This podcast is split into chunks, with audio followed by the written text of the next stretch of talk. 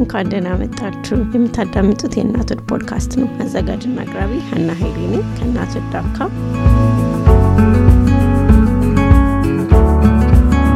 እናቱድ ስለ እናትነትና እናት ስለሚመለከታት ሁሉ ነገር የምንነጋገርበት መድረክ ነው። አብራችሁን ቆዩ። ረቂቄ እንኳን ደህና መጣሽ ወደ እንኳን ደህና ቆየሽኝ ሀንዬ። ሰላም አድማጮቻችን፣ እንዴት ናችሁ? ሀና ነኝ ከእናትሆod ዛሬ ጓደኛዬን ይዤላችሁ መጥቻለሁ። ረቂቅ ትባላለች። ዳላስ ነው የምትኖረው። እናቶች ፖድካስት ሲጀመር እንደተናገርኩት ይሄ platform እናቶች ታሪካቸውን የእናትነት ጉዟቸውን የሚያካፍሉበት ነው የሚሆነው።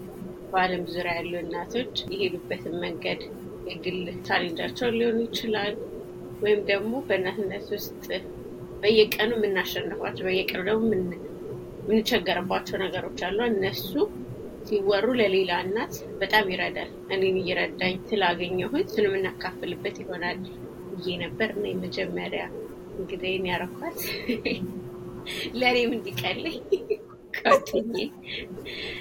ቲንክ በድጋሚ ለሶስታችን አስተኝተን በካሜራ እያየን ቁጭ ብለን በተናል ማለት ነው። እናትነት ምንድን ነው ለአንቺ? ወደ ዋናው ጭውውት ከመግባታችን በፊት እንደዚሁ አጠር ያለ ሁለት ነገር መናገር ፈልጋለሁ። የመጀመሪያው ምስጋና ነው። እናቶች ፕላትፎርም በመፈጠሩ ምክንያት በጣም በብዙ አትርፌያለሁ። ምናልባት በሌላ ህይወት አጋጣሚ ላገኛቸው ማልችላቸውን የእውነቴን ነው የምልሽ አንቺ አንቺ ነሽ like my asset my community እና ግን aside from that በሌላ ህይወት አጋጣሚ ምናልባት ላገኛቸው የማልችላቸውን ብዙ መልካም እናቶች መተዋወቅ ችያለሁ። እነሱን በመከተሌ ከእነሱ ልምድ experience በጣም ብዙ እያተረፍኩ ነው እና ይሄንን ነገር ሌሎቹም ይጋሩኛል ብዬ አምናለሁ እና to think ቀላል እንዳልሆነ አውቃለሁ። ይህም platform run ማድረግ ብዙ ነገር መስዋዕትነት እንደሚጠይቅ አውቃለሁ እና ገና ከሀሳብ ጀምሮ I've been there ስለዚህ I wanna applaud you እና ደግሞ thank you ማለት ፈልጋለሁ። አንደኛው እሱ ነው። ሁለተኛው it's kinda disclaimer ያው ሀንዬ እንዳለችው እኔ ገና እናትነትን ገና እየጀመርኩ ነው ያለሁት። አንድ ልጅ ነች ያለችኝ ወደ ሶስት ዓመት የተጠጋች ትገኛለች እና ይህንን ጨዋታ ልናደርግ ስናስብ በጣም የተለየ የህይወት ልምድ ወይ experience ኑሮኝ ሳይሆን ገና ምኑን ይዘሹ እንዳልባል እንደሱ ሳይሆን ግን ይዘቱ ምን ይመስላል ከአሁን በኋላ ብዙ እናቶች እንደሚመጡ ብዙ ልምድ ያላቸው በብዙ የህይወት ተሞክሮ ያለፉ እናቶች እንደሚመጡ አውቃለሁ እና ምን ይመስላል ይዘቱ የሚለውን ለማሳየት ነው እና this as a disclaimer ለማቅረብ ነው። ራሜሌ ከሆነ ቋንቋ ይቅርታ አድርጉ። ምንም ችግር የለም። እኔ ለራሴ ብዬ ነው ታውቂያለሽ ያረኩትና አንቺ እንዳልሽው በጣም ራሴ benefit አድርጌያለሁ። ከዚህ ለዛ ነው ደግሞ አስቸጋሪ ቢሆንም የምቀጥለው you know ስለሚጠቅመኝ ለእኔ ማለት ነው። እና I'm glad ደግሞ ስለጠቀመሽ ከዛ ደግሞ I guess ሁላችንም ታሪክ አለን። የአንድ አመትም ቢሆን you know ለምሳሌ ልጅ ወልዳ አንድ ወርም የቆየች እናት ህይወቷ ከዛ በፊት እና ከዛ በኋላ even like positive pregnancy test ያየችበት ቀን ለእኔ እንደዛ ስለሆነ ከዛ በፊት ያለው it's completely different። ስለዚህ ምንም አዲስ ብትሆኝ እኔም አዲስ ነኝ። እውነት ለመናገር ልጆች በጣም ተቀራራቢ እድሜ ናቸው። የመጀመሪያ ልጅ እና የረቂቅ የመጀመሪያ ልጅ የስድስት ወር ልዩነት ነው ያለ እኩል ነው ያሳደግናቸው እና I guess ትንሽ የሚባል experience የለም። ምናልባት ከኛ ረጅም ዓመት ያሳለፉ ሰዎች ብዙ የሚያውቁት ነገር ሊኖር ይችላል፣ ግን አናወዳድረው የኖር ሆነ የሚያወራ ያ ምን ይመስላል እናትነት እንዴት አገኘሽው? ቀላል የሚመስል ግን ቀላል ያልሆነ ጥያቄ ነው by the በተለይ ልምዱ ለሌለው ሰው ታያለሽ። ግን እናትነት በብዙ የሀሳብ የስሜት ከፍታና ዝቅታ ውስጥ የምትኖሪው ነገር ነው። በጣም ደስተኛ የምትሆኝባቸው ቀናት ብዙ ቢሆኑ የዛን ያክል ደግሞ የምትፈተኝባቸው ተግዳሮት የሚያጋጥምሽ ቀናት ይኖራሉ እና አሁን ለእኔ እናትነትን በጣም ደስተኛ በሆንኩበት ቀን እናትነት ምንድን ነው ተብዬ ብጠየቅ እና ደግሞ በከፋኝ ቀን እናትነት ምንድን ነው ብለሽ ብጠይቅኝ ተመሳሳይ መልስ ላይሆን ይችላል የምሰጥሽ። ምን ለማለት ነው? ቀኔ እግዚአብሔር ይመስገን ብዙ ቀኖቼ የምስጋና የደስታ ናቸው በእናትነት ጉዞ ውስጥ እና በነዛ መልካም ቀናቶች ውስጥ እናትነት ምንድን ነው ብባል ወይ ብጠየቅ በዛ ሰዓት በዛ moment የበረከት ሁላ ጥግ ነው ለእኔ ነው ምለው። እግዚአብሔር በምድር ላይ በብዙ ነገር ባርኮኛል፣ ብዙ አድርጎልኛል። ግን ከተባረኩበት ነገር ሁላ በላይ የሆነው በረከቴ ነው እናትነት። የፍቅርን ጥግ ያየሁበት፣ በጣም የማመሰግንበት የስኬቴም ሁላ ጥግ ነው ለእኔ እናትነት። ምድራዊ የሆነው እስካሁን ባለኝ ነገር በፈጣሪ እርዳታ አቺቭ ያረኳቸው ብዙ ነገሮች ሊኖሩ ይችላሉ። ፈጣሪ በፈቀደልኝ ልክና አቅሜ በፈቀደው መጠን ግን በቃ ምንም የማይወዳደረው ጸጋኝ ነው። የዛን ያክል እንዳልኩት ትንሽ አንዳንዴም በቀናት ውስጥ ረዘም ያለ ደግሞ ከባድ ቀን ያጋጥመናል። በጣም ትንሽ በሆነ ምክንያት ሊሆን ይችላል ይከፋል። ለምሳሌ ልጅ የሰራላት ምግብ መሬት ላይ ደፍታ ሊሆን ይችላል ወገቤ ተንቀጥቅጦ ይህን ተወዲውን ምናምን ብለሽ ወይ በቃ ጥሩ ስሜት ላይ ላትሆን tantrum ላይ ልትሆን ትችላለች። አሁን ይህ ትንሽ ትንሹ challenge ነው፣ ግን እኔን እንደ እናት affect ያደርገኛል። ከደስታዬ የሆነ ቆርሶ የሚወስድብኝ ነገር አለ። የዛን ያክል ደግሞ ከባድ ነገሮች ምናልባት አሟት ሊሆን ይችላል። or ደግሞ ዓለም ላይ እንደምታየው ጥሩ ያልሆነ ነገር እናያለን በሀገርም በዓለምም እና ነገ ምን አይነት ቀን ነው ልጅ የሚጠብቃት ደግሞ ብለሽ ደግሞ ትፈሪያለሽ። እና እንደሱ ባሉ ቀናት ላይ እናትነት ከበረከትነቱ ይበልጥ ኃላፊነቱ ጎልቶ የሚሰማኝ ጊዜ አለ። እናትነት በጣም መስዋዕትነት የሚጠይቅ በጣም ከባድ ነገር ነው ብዬ ላወራ እችላለሁ። ይሄንን ያነሳውበት ነገር ምንድን ነው? በብዛት እኔ እናት ከመሆኔ በፊት ብዙ ሰው ኧረ ውለጂ ብሎ ይመክርሻል አይደለ? እድሜሽ የሆነ ጊዜ ከደረሰ በኋላ መቼ ነው የምታገቢው? መቼ ነው የምትወልጂ ትባያለሽ። እና የዛን ጊዜ አልተነገረኝም። እናትነት በረከት ነው፣ ጸጋ ነው፣ ከባድ ነው ይሉሻል። ግን ክብደቱ እንዴት ነው የሚለው አልተገለጸም። እና ስለዚህ አንድ እናት ይሄን ነገር እናት ሳትሆን ገና እያዳመጠች ያለች እናት ለመሆን እያሰበች ያለችን ሴት ብትኖር በዚህ ሰዓት ላይ እሱን ነው የምላት። ግን ለመጠቅለል ያክል አይደለም የደስታዎች ቀን የምስጋና ቀን ብዙ ሆኖ በትንሽ ቀን ከባድ ቀናትን አሳልፌ አይደለም በጣም ብዙ ከባድ ቀናት ሆኖ ትንሽ የደስታ ቀን እንኳ ቢኖረው የእናትነት ጉዞ በምንም ነገር አልቀይረው በምንም ነገር ማለውጠው ስጦታ ነው እና እናትነት በቃ እንዳልኩት የበረከቴ ሁላ ጥግ ነው። መስዋዕትነት ይጠይቃል። ከባድ ቀኖች አሉት፣ ግን it's worth it በምንም ነገር አይተካም ለኔ። ያ ልክ ነሽ። ለዛ ነው አንዳንድ ጊዜ እኔ የሆነ ጊዜ እናትነት ሁልጊዜ fun አይደለም፣ ሁልጊዜ የሚያስደስት አይደለም ብዬ post አድርጌ ነበር እና was controversial እንዴት እንደዚህ ለምን ለምን ታማረር ያለሽ ይልሻል ሰው አይደል? እና we have to talk ብዙ you know topic ኦች አሉ። እኛን እንደ ሰው ራሳችን ሰዎች ስሜታችን ከፍ ዝቅ ይችላል። ህይወት የሚባል ነገር አለ። አሁን ያልሻቸው ነገሮች በስቴጅ በስቴጁ ልጆች እያደጉ ሲመጡ የሚያልፉባቸው ነገሮች ምናምን የሚያጋጥም ብዙ ነገር ጤናም ሊሆን ይችላል። ብዙ አይነት ነገር ሲገጥመን የምናዝንበት ጊዜ፣ ምንጨነቅበት ምን ላድርግ ብለን የምንጨነቅበትን ጊዜ አለ እና እሱን ሁሉ በደንብ አድርገሽ ስለገለጽሽ በጣም ልክ ነሽ። እጋራሻለሁ። ሁሌ የምናወራቸው ነገሮች ናቸው አይደል? አሁን ለሰው እያጋራ ነው ስለሆነ ነው እንጂ በለት ያለ ኑሯችን ስንገናኝ ምናምን ከዚህ ሌላ ወሬ የለንም። የቶፒክ ይዘን ይሄንን ነው አለን፣ ግን ይሄ ይበልጣል ብዙ ነገር። ይሸፍነዋል።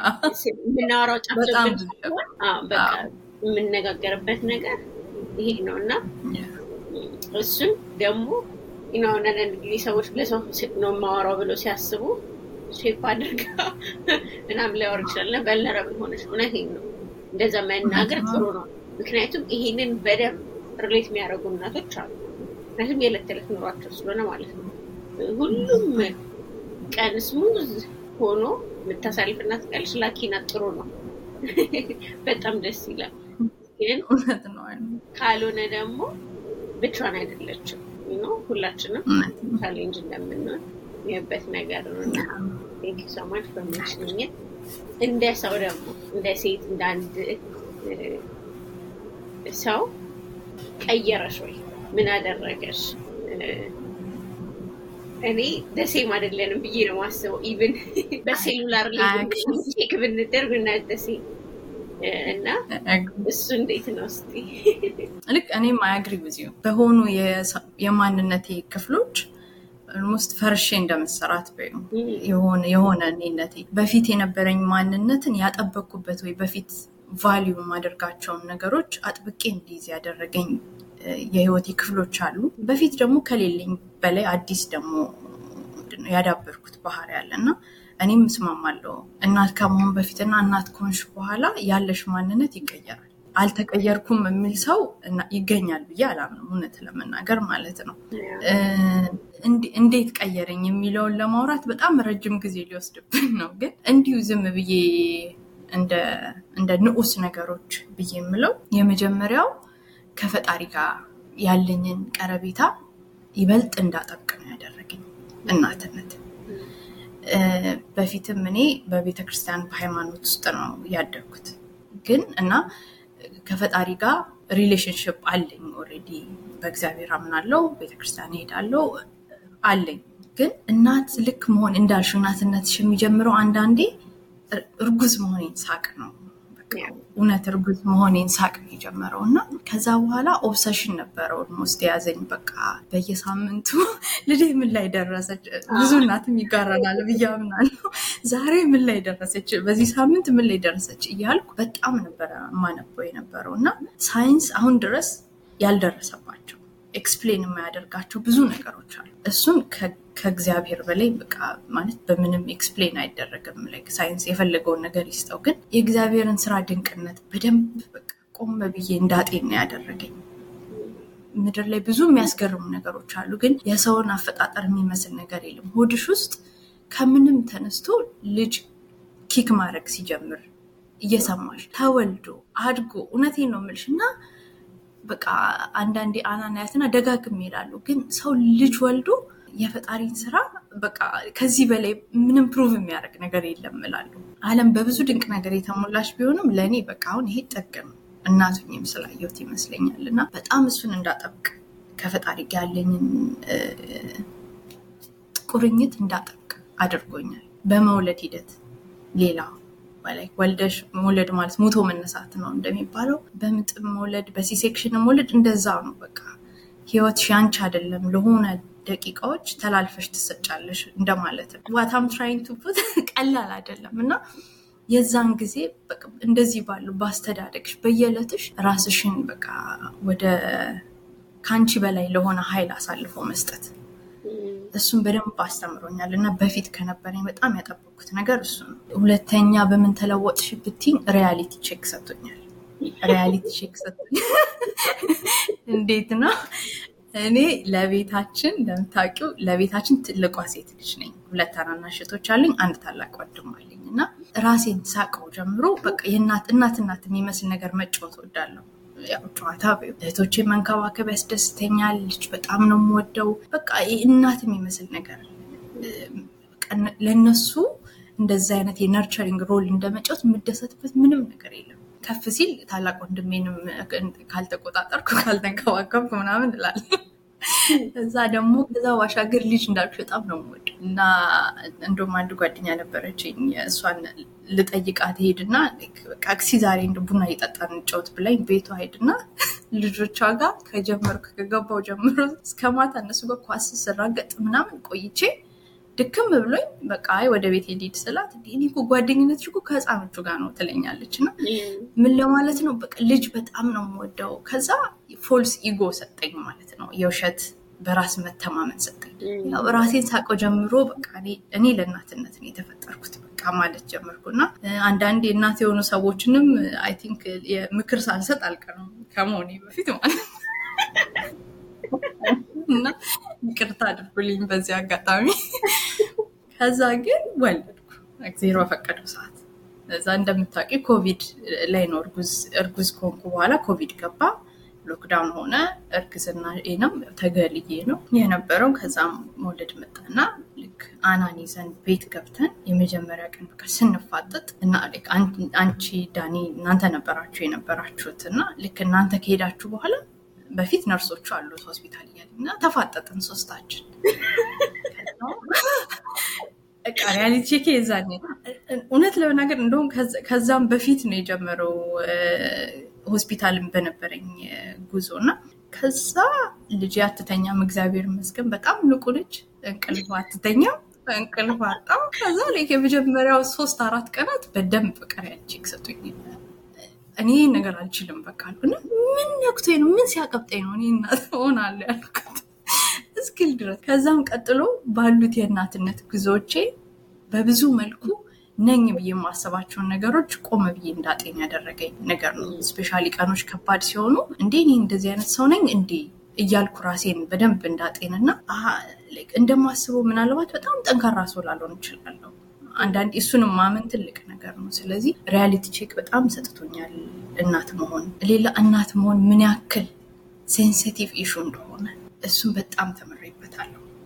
እንዳልኩት እናት ከመሆኔ በፊት ያው ምን የተለየ ነገር አለ ብለሽ ከሰውም የሰማሻትን በመኖርም ያወቅሻትን ነገር ለሰው አስተያየት ሰጫለሽ። like ለወለደች እናት አስተያየት ሰጥቼ ሊሆን ይችላል። እንዲህ ልጁን አትቀፉት ካሉት ወገኖች ሊሆን ይችላል። ልጅ አቅፎ ምንትን ይለምዳል። እንቅልፍ አልጋ ላይ ቁጭ ልል ይችላል።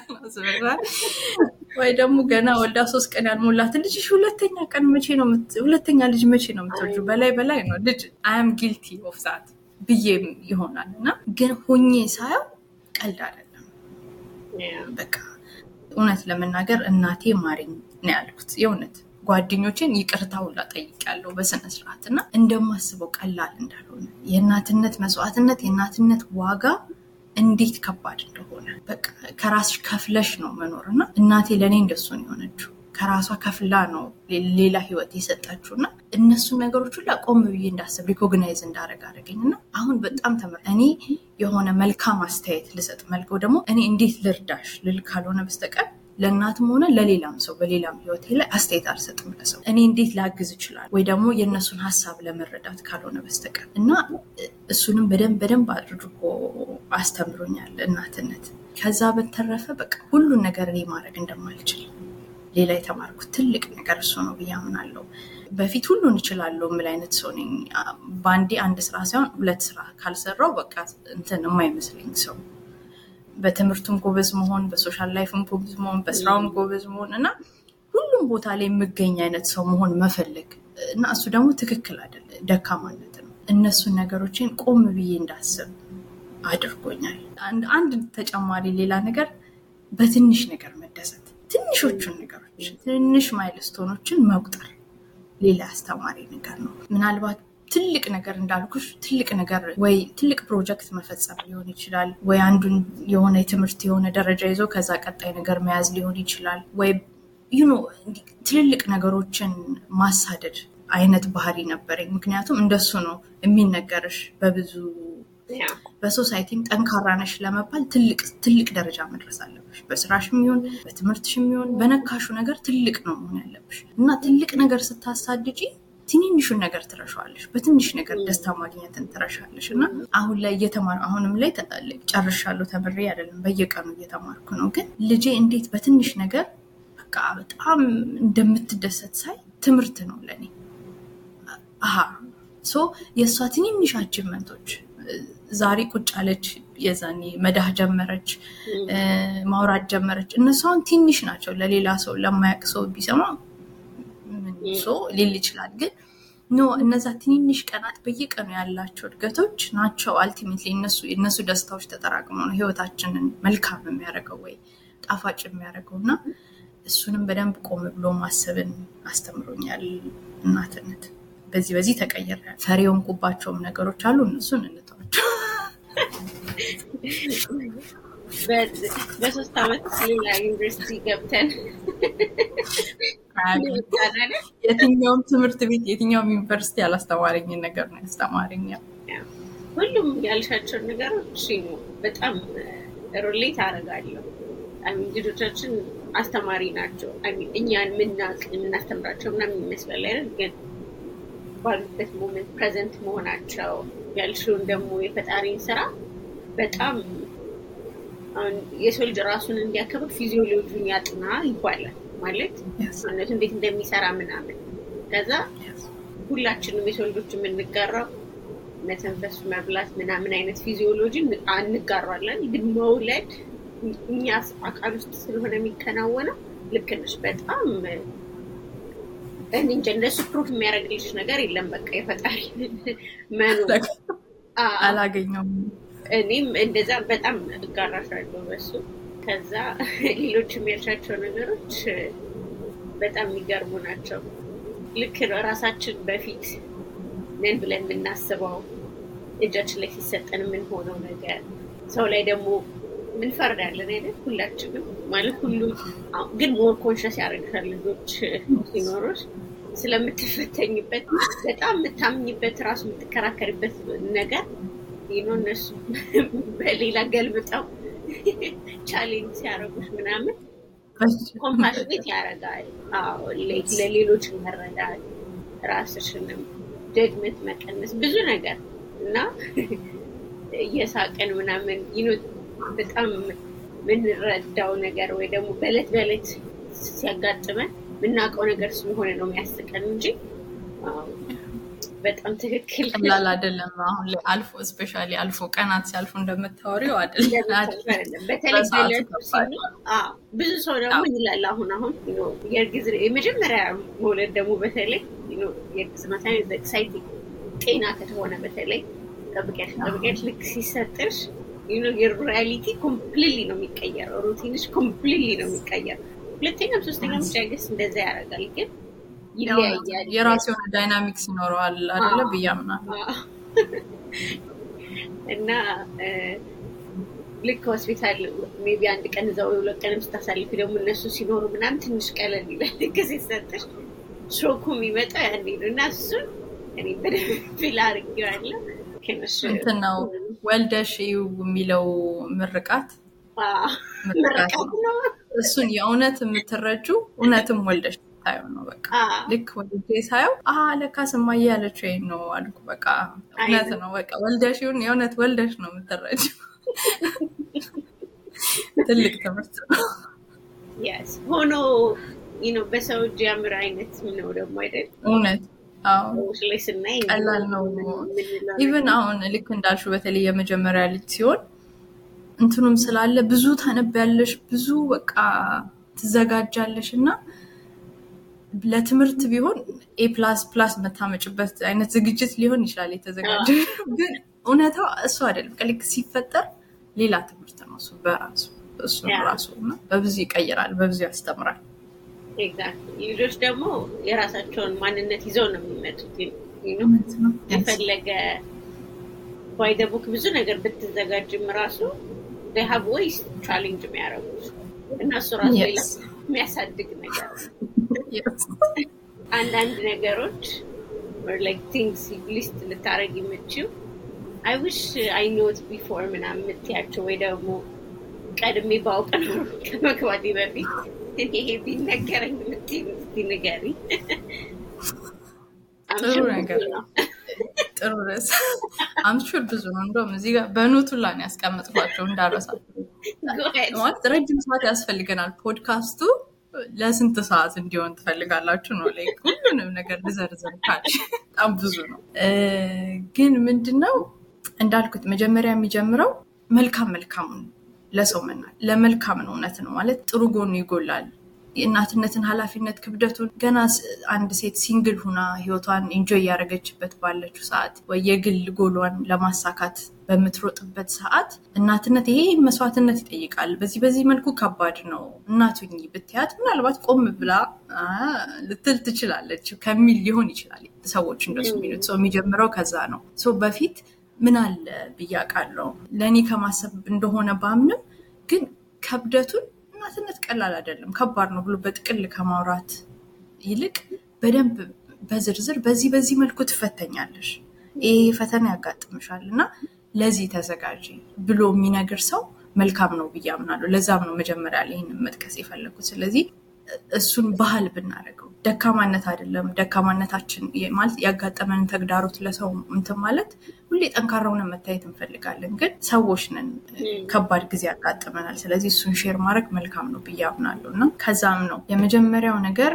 እነዚህ ነገሮች እንዳልኩሽ ተብያለሁ። ተነግሮኛል። ግን በምን ያክል depth የእውነትም ወይ አንብቤው ሊሆን ይችላል፣ የሆነ ቦታ አይቼው ሊሆን ይችላል። ብዙዎቹን ነገሮች አሁን የምልሽን ማለት ነው። ግን ዋጋ አትሰጪውም በፊት ወይ እኔ ላይ ላይፈጠር ይችላል ብለሽ ልታምኝ ትችላለሽ። እና የመጀመሪያው ምንም ነገር በእቅድ በ checklist አይሄድም። ልጅ የመውለድ ሂደት ምንም እንደታሰበው by the book የሚሄድ ነገር የለም። ለእሱን የራሴ ልክ እንደ ምሳሌ ለመግለጽ ያክል በጣም መልካም የሆነ እርግዝና ነበር የነበረኝ። በቃ ምንም እንከንም አላወጣለት። COVID lockdown ነበረ። ወደ ቢሮ መሄድ አልችልም። ስለዚህ ቤቴ ነበር። በጣም በቂ ጊዜ ነበረኝ። ስለዚህ ብዙ እንዳልኩሽ ብዙ አንብቤያለሁ ብዙ ተዘጋጅቻለሁ። ለልጄ የምገዛውን አንድ እቃ አሁን ላይ ሳስበው ያስቀኛል። የምገዛላትን ቲሸርት review Amazon review የስንት ሰው review አንብቤ anything this much ነው በቃ excitement ኡና preparation እና እንዳልኩሽ እሷም ትንሽ የሆነች የውሸት አይነት እንትን ትሰጥሻለች። አይ በቃ እኔ ዝግጁ ነኝ የሚል አይነት ስሜት ይሰጥሻል። እሱም እና ግን even የማስታውሰው nothing goes as planned ብለሻልሽኝ አንቺ ነበርሽ ስናወራ ተዘጋጂ ብለሽኝ ነበር እና ያ ምንም ነገሮች እንደታሰበው ላይሄድ ይችላሉ። ተዘጋጅቻለሁ ነው እውነታው ግን አልተዘጋጀሁም ነበረ። እንዳልኩሽ በጣም መልካም ከሆነ እርግዝና እኔ በተፈጥሮ በምጥ መውለድ ነው የምፈልገው። ለእሱ ማድረግ የሚገባኝን በእርግዝና ጊዜያት ሁሉን ነገር አድርጌያለሁ። ስለዚህ ልክ ሆስፒታል በድንገት ገብቼ emergency section ማድረግ አለብሽ እና አሁኑን ሰላሳ ደቂቃ ውሳኔ አይሞላ ዶክተር የመጣች አይቼ አሁኑኑ section ማድረግ አለብሽ ካለበዚያ የልጅሽን ሕይወት አደጋ ላይ ነው የምታደርገው አለች። የዛኔ ጀመረ ምንም ነገሮች እንደታሰቡ እንደማይሆን ማለት ነው። ለራሴ እቅድ አውጥቻለሁ። ልጅ ከወለድኩ በኋላ በምጥ ወልዳለሁ። ለችን recover ሶስት አራት ቀን ሆስፒታል ባደርግ እንደ ልብ እየተንቀሳቀስኩ ብዬ የማስበው C-section ግን ቀላል አልነበረም። አይደለም ልጄን በደንብ ለመንከባከብ ለራሴ ሁላ መንቀሳቀስ መራመድ ከባድ ነው። ደረጃ መውጣት ከባድ ነው የሚሆነው ማለት ነው። እና የመጀመሪያው shock የዛን ያጋጠመኝ ከዛ ደግሞ ቢያንስ ልጅ የሆነች ያክል ሰዓት ብትተኛ እና የዛኔ ለሰው የመከርኩት ያልኩሽ ምክር ማለት ነው ልጃችሁን እንዲህ እንዳትለምድ አልጋ ላይ አስተኛት ብዬ የተናገርኩት ምክር ሲደርስብኝ ካልታቀፈች የምትተኛ ልጅ አይደለችም። ብዙ ሞከርኩ፣ በጭራሽ በቃ ስለዚህ ስትተኛ ቁጭ ማለት አለብኝ አቅፌ እንዳትወድቅብኝ፣ ስትነሳ ደግሞ እሷን መንከባከብ አለብኝ። ስለዚህ የእንቅልፍ ማጣት መጣ። እያለ እያለ ይቀጠል። ምንድነው ትልቁ ትምህርት ከኔ አሁን ልምዴን የማካፍለው ለዛ ነው። ምንም ነገር ቢታቀድ እንትን ቢል ሊሆን ይችላል። እግዚአብሔር ፈቅዶ ከታሰበውን በላይ ቀላል የሆነላቸው እናቶች አሉ። ግን ደግሞ challenge የምንደረግበትም ነገር ሊኖር ስለሚችል እሱን ማወቅ እሱን አውቆ የእውነት ሰፊ ልብ ኑሮ ህይወት ልክ የሆነ ነገር ስታመጣ ልጅን በማሳደግ ሂደት surrender ማድረግ በቃ ይሄ ነገር እንዳሰብኩት አልሄደም በምን መልኩ የተሻለ ውጤት ማምጣት እችላለሁ ብሎ flexible መሆን ትልቁ ነገር ነው እና እንዳልኩሽ አሁን መክረሽኛል፣ ተመክሬያለሁ። ግን I did not take it በጣም በቃ እስከምን extent ይሄዳል የሚለውን አላወቅኩም ነበር። የመጀመሪያው lesson እሱ ነው። ሁለተኛ ብዬ የምለው እንዳልኩት ዩ ካን ኖት ይቅርታ እንግዲህ እንግሊዝኛ ዩ ካን ኖት ዱ ኢት ኦል መጥፎ ልምድ እኮ ነው። እዚህ ሰው ሀገር መኖር ጉራማይሌ ተናጋሪ አድርጎሽ ቁጭ ያለሽ እንትን ሁሉን ነገር ብቻዋን አንድ እናት ማድረግ አትችልም። እሱንም በጣም ከባ ማለት ደርሶብኝ ሳይ ነው የተማርኩት። ዩ ካን ኖት ዱ ኢት ኦል ልጄንም ተንከባክቤ ቤቱን ቤቱም ጽድት ንጽት ተብሎ በፊት እንደነበረው በራሴ በምኖርበት ጊዜ ባሰኘኝ ሰዓት አሲም plus በቃ ወጣ ብዬ ቡና ጠጥቼ ምናምን እንደ አይደለም። በቃ አንድ ሶስት አራት አይነት ምግብ አብስለሽም ሁሉን ማድረግ ልብሽ ይፈልጋል፣ ግን አትችም። ስለዚህ ሁሉን ማድረግ አለመቻለን ያንን ደካማነት ማወቅ በራሱ ትልቅ ብልሃት ነው። ስለዚህ ትግልሽን ትመርጫለሽ። የትኛው ላይ energy ን focus ላደርግ so በዚህ ሰዓት በቃ የኔ ኃላፊነት ልጄን መጀመሪያ priority ልጄን መንከባከብ ነው። ስለዚህ ቤቱ ይቆሽሽ እቃውም ሳይታጠብ ይቆይ ይደረስበታል የሚለውን በ priority ላይ የትኛው ከየቱ ይቀድማል የሚለውን ነገር መለየት በጣም ወሳኝ ነገር ነው። ምክንያቱም መጀመሪያ እንዳልኩት ራሴን fail ያደረግኩ ነበር የሚመስለኝ የነበረው expectation እንደሱ ነው። ልጅ በልጄ አላየሁትም። ስለዚህ ልጅም ወልጄ ለልጄ እናቱኝ ቤቴም በፊት በነበረው organization ሁሉ ነገር በቃ እንዲሆን እሱም ሌላ ሁለተኛው ትምህርት እሱ ነው። it's just ደግሞ ሌላ ደግሞ ገና አዲስ እናት ካለች ይህን ነገር የምትሰማ ወይ እርግዝናዋ ከባድ የሆነ ለሌላም ህይወት ምንድነው struggle ያገለግላል እና it just phase በቃ ይሄ ጊዜያዊ ነገር ነው፣ ያልፋል። እንቅልፍ ማጣቱም ያልፋል፣ ይረሳል።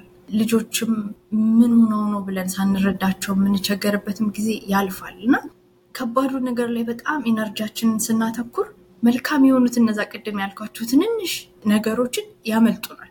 እኔ መስ ደርሶብኝ ስላየሁት ነው። ልጄ መቼ ነው ዳዴ ማለት የምጀምረው ብዬ ስጠብቅ ሌሎች እያደረገቻቸው ያለቻቸውን ነገሮች አልነበረም እያየሁ የነበረው ማለት ነው። በጊዜ ነው አሁንም ድረስ እያረኩት ያለሁት ነገር ነው እና ስለዚህ ያልፋል። በቃ ሁሉም ነገር ጊዜያዊ ነው። በኋላ ሲያልፍ ይናፍቀናል ይሄ ነገር። ስለዚህ እሱን በደንብ ሁሉም ነገር በጊዜው ማጣጣም ሌላው ነገር ነው። እንዳልኩሽ list ይዤ ነው የመጣሁት። በቃሽ ልትይኝ ትችያለሽ። ሌላው ምንድን ነው? breast feeding ጡት ማጥባት ለእናት እንዳልኩት ያው የእናትነት ስለሆነ በጣም too much information ከሆነ ይቅርታ እንግዲህ ለሚያዩት ለሌሎች ሰዎች ግን breast feeding ለምሳሌ እሱ ቀላል አይደለም። እኔም እንደው ምን ረድቶኛል በጣም እንዳልኩሽ ሳነብ በጣም ከባድ challenge እንዳለው ሰምቻለሁ። አውርተናል ደግሞ አንቺም ጋር አውርተናል እና ከዛ ያው ቀላል ነገር እንደማይጠብቀኝ ያውቃለሁ። ግን እውነት እንደዛም ከጠበቅኩት ከባድ ነገር በላይ ነው የጠበቀኝ የመጀመሪያው ማለት ነው። ብዙ እናትም ትጋራዋለች። ይህን ሁላ ስል ላስፈራራ አይደለም፣ አደራ ይታሰብ። ግን እነዚህ ተግዳሮቶች ይገጥማሉ። ሰው ያንን ማወቄ ወዲያውኑ ትውት እንዳላረገው አደረገኝ። የተወሰኑ ከባድ ቀናትን አልፌ ከዛ በኋላ በጣም በቃ የምደሰትበት ስኬት የእናትነት ስኬት የሆነ እና ስለዚህ አንድ እናት ገና ስትጀምር የመጀመሪያ ሁለት ሶስት ቀናት በጣም አዳጋች ሲሆኑባት መሞከሩ ምናልባት መልካም ሊሆን ይችል ይሆናል።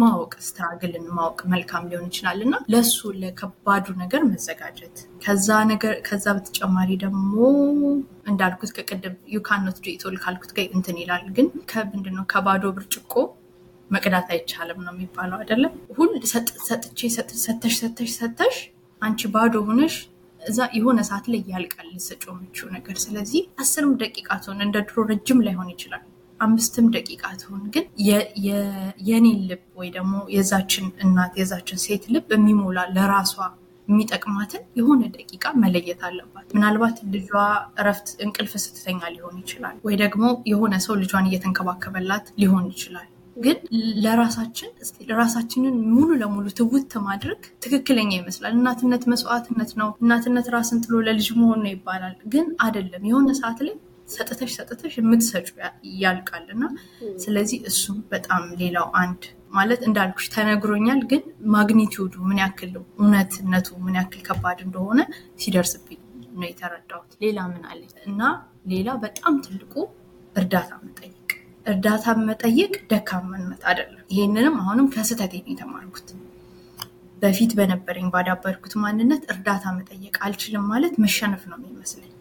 ስለዚህ ሁሉም ነገር እኔ ነኝ ላደርገው ምለው በሁሉም የህይወቴ ክፍል ላይ አንድ መቶ አንድ percent በቃ እሰጣለሁ እኔ እጎዳለሁ እንጂ ሁሉን ይችላሉ አይነት እምነት ነበረኝ። እሱ ወደ እናትነት ሲመጣ ግን ይጎዳል። ሁሉም ነገር ያው ተያያዥነት አለው እና እርዳታ መጠየቅ በጣም የሚያስፈልግ ነገር ነው። የእናት የእናቶች community አሁን እናቱን ፈጠረልኝ ብዬ እንደማመሰግንሽ በተለይ በሰው ሀገር ሲኖር በርቀት እንኳ ቢሆን አሁን ላይ ቴክኖሎጂ አቀራርቧል እና የእናቶችን community መመስረት እንዲሁ ደግሞ በቅርብ ያለን ሰው እርዳታ መጠየቅ። እኔ ዛሬ በቃ ማለት እኔ ልጅ እየተንከባከብኩ ቤቱ በጣም ቆሸሸ እና እባክሽ ነይ እስቲ ያዥልኝ ወይ ምግብ ታበሲልኝ። አሁን ይሄ ቀላል ነገር ይመስላል እና እንዴ እንዴት ብዬ ነው እኔ የማልችለውን ለሰው ግን ሰው ሊረዳን ዝግጁ ነው። በቃ እኔ አሁን እንኳ አካባቢ ምን ላድርግ ብዬ ነው የማስበው። ግን ይሄንን አድርጊ ደግሞ ሲባል ይቀልልሻል እና በደስታ ነው ሰው የሚያደርገው። ሰው ለመርዳት ሁሉም ሰው ዝግጁ ነው ብዬ አምናለሁ እና እርዳታ መጠየቅ በጣም በጣም አስፈላጊ ነገር ነው። እንዳልኩት ራስን በተለይ ሰው ሀገር ሲኖር ከባድ እንደሆነ አውቃለሁ። ግን አሁን ለእኔ አንቺ መኖርሽ በጣም ህይወቴን እናትነቴን በብዙ መልኩ አቅሎልኛል። ቅድም እንዳልሽው ልጆቻችን የስድስት ወር የስድስት ወር difference አላቸው። ስለዚህ ከአንቺ በጣም ብዙ ነገር ነበር መማረው። ምንም ነገር ሲሆን ደውዬ የምጠይቀው አንቺን ነበረ። አንቺ ለእኔ መኖርሽ ትልቅ ነገር ሆነ። ከዛ ደግሞ እናቶች ተፈጠረ። ከዛ ሌሎች ጓደኞቻችንም እናትነትን መቀላቀል ጀመሩ። እንደሱ ሲሆን ምንድን የራስሽን የእናቶች community ታቋቁሚያለሽ እና እሱ በብዙ ይረዳል። እሱን እንደ ቀላል አለማየት ሁሉን ነገርን ያደርጋለው ማለት ሳይሆን በቃ እርዳታ ለመጠየቅ ዝግጁ መሆን በጣም ይረዳል። እናትነት ጉዞን በጣም ያቀላል። ስለዚህ ይህን ይመስላል በአጭሩ። ይህን ሁላ አውርቼ አይ ጥሩ ነው እውነት ሁሉም ነገር አንዳንድ ጊዜ የተረዳሁት አሁን ስታወሪ ቢነገረንም እኛ ራሱ no ይሆናሉ እኔ ላይ ይደረጋሉ ምናምን ብለን የማናስባቸው አንድ ነገሮች አሉ። ግን አሁን ካልሽው ሁሉ ላይ የሰው experience የተለያየ ቢሆንም ወይም ደግሞ የሚገጥመን ነገር የተለያየ ቢሆንም ግን ሰፊ ልብ ያስፈልጋል። ማለት ክፍት ብሎ መጠበቅ በመውለድም ሊሆን ይችላል የልጅ ልጅ የምናሳድግበት ሁኔታም ሊሆን ይችላል። በኑሯችንም ሊሆን ይችላል ምናምን ፕላን ማድረግ ጥሩ ነው፣ መዘጋጀት ምናምን። ግን በዛ ውስጥ ያልሹ በቃ ፍለክሰብል መሆን ነው። አሁን እንዳሰብነው ባይሆን ደግሞ ሌላ ነገር እናደርጋለን ወይ ደግሞ ያ ነገሩ ሲመጣ ቶሎ accept አድርጎ በቀጥታ reality እንዴት adjust ላድርግ የሚል mentality ማዳበር ወይም እዛ ልምምድ ውስጥ መግባት በጣም ጥሩ ነው። ምክንያቱም ብዙ unexpected ነገሮች ስለሚሆኑ ማለት ነው። አይተናል በየራሳችንም እና በደንብ ጥሩ አድርገሽ ደግሞ የገጠሙሽን ነገሮች ምናምን አካፍለሽናል። በጣም ጥሩ ነው። በተለይ ደግሞ እዚህ western countries የምንኖር አሜሪካ ሊሆን በአውሮፓ ከሀገር ቤት ውጭ ማለት ነው። እሱ ራሱን የቻለ topic ነው እውነት ለመናገር ለመነጋገር። ምክንያቱም በጣም ብዙ ለውጥ ነው በኛ ውስጥ ያለው። ከዛ እንደዛ ሆነ ነው እናት የምንሆነው። እነዚህ support system ይለያል። ማናልን ማንም ላይኖር ይችላል አጠገብሽ። እንዳልሽው ነው ወልደሽ ከመታረስ no recover ማድረግ በሚገባሽ ሰዓት ማንም ሳይኖር ልጅሽን እየተንከባከብሽ እንደገና ደግሞ የቤቱ ስራ በሙሉ ቁጭ ብሎ የሚጠብቅሽ ጊዜ አለ። ያኔ እንዴት ነው prioritize የምናደርገው? ያ መጀመሪያ ላይ እኔ የባሱ ስህተት በደንብ አድርጌ ተሳስቻለሁ። ቤቱም በቃ no በጣም አንደኛ እንዲሆን ቀጥ ብሎ ሁሉ ነገር ከዛ ደግሞ ልጅ ከዛ እንደገና ደግሞ ወልጃለሁ በዚህ በኩል no ህመም አለ፣ recover ማድረግ አለ ምናምን እና እሱን በደንብ አስምረን ነው የምናገረው። በተለይ አዲስ ካሉ እውነት በጣም በቃ የቤቱ ስራ reality ው ምንድን ነው? ማን ነው የሚያግዘኝ ነው። ምክንያቱም እጃችን እኩል አይሆንም። ያኔ ሁሉንም የምንሰራበት እጅ ልጅ መንከባከብ ጋር ይመጣ። አዲስ ህፃናት ደግሞ የአዲስ የተወለዱ ደግሞ እንደምታውቂው ቶሎ መጥባት አለባቸው። እንቅልፋቸው አጭር ነው ምናምን ዳይፐር መቀየር ሁሉ ነገር አለ። እንዳልሽው መታቀፍ ነው የሚፈልጉ። አሁን የሱን reality በደንብ ምንም ማንገፋው ነገር ነው። በቃ አዲስ የተወለደ ልጅ ከሆዴ ከሙቀት ከምናምን ከሚመች environment ነው የወጣው። ከኔ ጋር ደረቴ ላይ መሆን ነው የሚፈልገው አዲስ ልጅ እና እንደሚባለው ቁጭ አድርጌ ምናምንም ራሱ አይሰራም። በዛ ጊዜ የቤቱን ነገር እንዴት ነው የማደርገው? ምናልባት ለአጭር ጊዜ እንዳልሽው help የሚያገኝበት መንገድ ካለ፣ ጓደኛ ካለ፣ ቤተሰብ ካለ ምናምን ያን ጊዜ ማስደር፣ በገንዘብ የሚሸፈን ከሆነ ማድረግ። ከዛ በፊት ደግሞ በእርግዝና ጊዜ የመጨረሻዎቹን ወራት maybe ምግብም የተወሰነ ሰርቶ ማስቀመጥ ምናምን የሚቀሉልን ነገሮች ማድረግ ካለዛ ባይሰራም ደግሞ ጾኪ ለምሳሌ ሁሌ እቃችን ታጥቦ ቤቱ ሁሌ በየቀኑ የሚጸዳ ከሆነ አሁን በሳምንት አንድ የሚጸዳ ምንም ችግር የለም። ወዲያው ልጅ እንደተወለደ ከፍ እያለ ነው ልጆች ማቆሸሽ ምናምን የሚጀምሩት እና ሴት reality ለራሳችን ነው ማሰብ ቀድሞ ማሰብ ምንድነው የሚረዳው? ያኔ ብዙ hormonal change አለ፣ environment መቀየር አለ ምናምን አዲስ ሊሆንብንና like የምናደርገው ላይገባን ይችላል። ቀድመን ግን እነዚህ ነገሮች ካወቅናቸው እና ከታሰበበት ያኔ accept ማድረግ ነው የሚመጣው። ከዛ ደግሞ ከባለቤት ጋር አብሮ ከሚኖር ሰው ጋር መነጋገር በእነዚህ topic ኦች አንዳንድ ጊዜ ምንም እሱ ላይ አሁን እሱ ላይ ለመጨመር like እሱ ላይ እንዳልሽው እንደተባባልን ኮቪድ ላይ ነው ሁለታችንም እንዳጋጣሚ የወለድነው እና ብዙ ሰው የመምጣት የማገዝ እንትኑ almost አይቻልም ስለምትፈሪም ጭምር ማለት ነው። እኔም ባለቤቴ ማለት በጣም የሚያግዘኝ በጣም ነው የሚያግዘኝ። በፊትም ሳልወልድም በቃ almost ስራ እኩል ተከፋፍለን ነው የምንሰራው። እና ከዛ ግን ምን ተፈጠረ? ከወለድኩ በኋላ ወደ ስራ መመለስ ነበረበት። ከቤት ነው የሚሰራው ደግነቱ። እና ፈቃደኛ መሆን ለመታገዝ ፈቃደኛ መሆን ይጀምራል ያልኩት ማለት ነው። እሱ እኮ አላለም። እሱ እኔ ደከመኝ አላለም። እሱ ማድረግ ነው የሚፈልገው። እሱ እኔ መንከባከብ ነው የሚፈልገው። ግን እኔ በቃ አይፊል ጊል እንዲህ እሱ የቢሮ ስራ ሰርቶ ከእንደገና ምግብ ሰርቶ ከእንደገና መሆን የለበትም። ግን ከቅርብሽ ሰው ማለት ነው። ከቅርብሽ ሰው ይጀምራል። አንዳንዴ የኔ ብቻ ባህሪ ነው ብዬ አላምንም። በቃ ጠንካራ ሁኝ እየተባልሽ ስለሆነ የቅርብሽን ሰው እንኳ አይ አልፈልግም እርዳታ እኔ መስራት አለብኝ ሁሉን ብሎ መግፋቱ ላይ ይመጣል። እና እሱ በጣም ወሳኝ ነገር ነው። እዛ ላይ የሆርሞንም የብዙም ነገር imbalance አለ እንዳልሽውና ripple effect ነው ያለው። አንድ ነገር የተሳሳተ ሲመስለን እዛ ላይ አዝነን አይቀርም። ሁሉ እንዳለ ይሄዳል እሱ ሲከፋኝ ነጭናጫ እሆናለው ስለዚህ ለልጄ ልጄን በደንብ በሚገባኝ መልኩ ላልሰጥ እችላለሁ ራሴ አዝናለው ቤትም ውስጥ የኔ ጭንቀት ባለቤቴም ያስጨንቀዋል። እሱ የሚኖረው ነገር አይደለም የሚሆነው እና እንዲሁ በቀላሉ አይቆምም። circle ስለሚሆን እርዳታ መጠየቅ በጣም እንደውም ትልቅ ከ list ኦቹ ለማስቀድመው ነገር ነው። እርዳታ መጠየቅና ነገርን ሁሉን አንዴ እኔ አደርጋለሁ አለማለት በጣም ወሳኝ ነገር ያ ምንድነው? እናትነት የተሳለው ማለት ነው። በቃ በጥንካሬ በመስጠት ምናምን ነው። እና of course እሱ naturally ይመጣል በጣም ጠንካሮች we're powerhouse የማናረገው ነገር የእውነቴን ነው። በዛ ላይ ደግሞ መስጠትም ደግሞ nature makes ብዙ ነገር እንድትሰጭ ምናምን። ግን እንዳልሽው ነው ያልቅብሻል። ራስሽን ማትሞዪ ከሆነ። አሁን ልክ ስልኮቻችንን ምናምን ቻርጅ እንደምናደርገው ነው ራሳችን ቻርጅ የማናረግ ከሆነ የሚያስደስተን ነገር የማናደርገው የሆነችም ትንሽም ሰዓት break የማንወስድ ምናምን ከሆነ በቃ ጥሩ መሆን ራሳችን መልካም መሆን አንችልም። ስለዚህ የመጀመሪያው ነገር ሰው እርዳታ offer ሲያደርግም accept ማድረግ ነው። ምን ላድርግልሽ ዛሬ መጥቼ ልጅ ልይዝልሽ እችላለሁ ወይ ቤት ላግዝሽ እችላለሁ ወይ የሆነ ነገር ይዤልሽ ልመጣ እችላለሁ ምናምን ሰው ካለ አይ ሁሉም አለ ምናምን።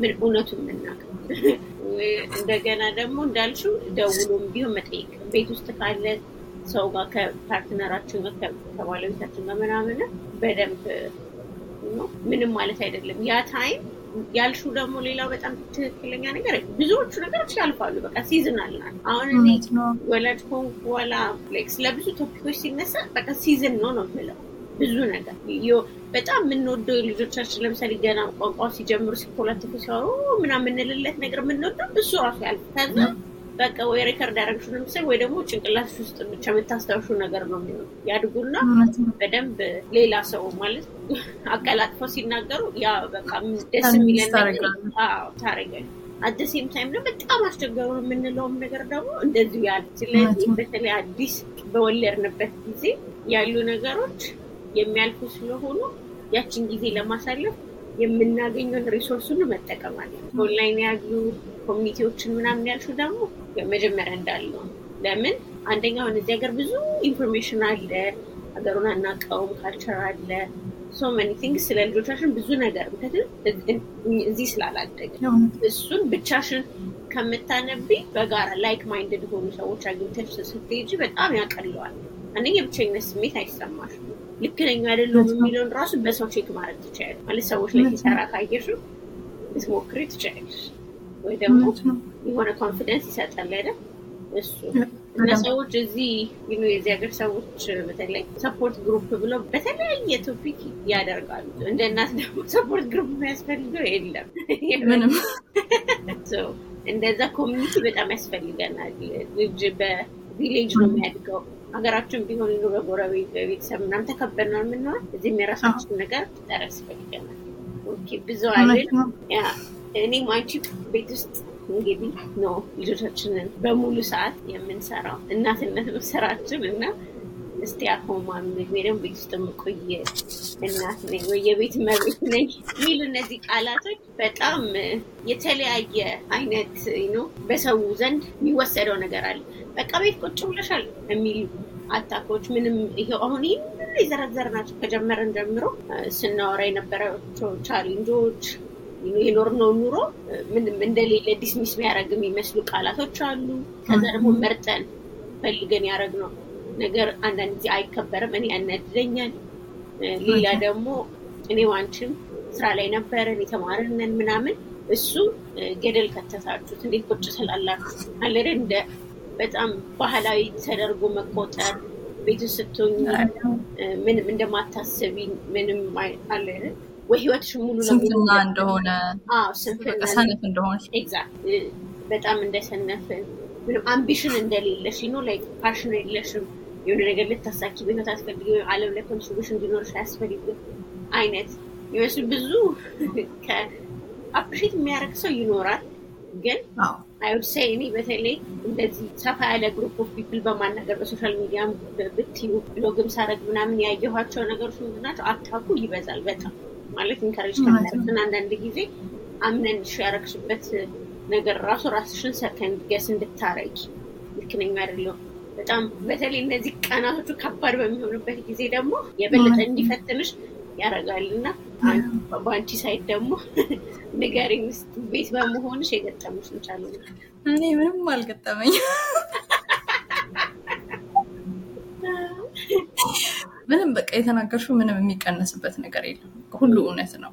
ሁሉም እኔም ላይ ደርሷል። ክብደቱ የሚጀምረው ለእኔ እናትነት የስራ ውጤትሽ የእናትነት ውጤትሽ መለኪያ ተጨባጭ የሆነ መለኪያ መስፈርት የለም። ምን ለማለት ነው?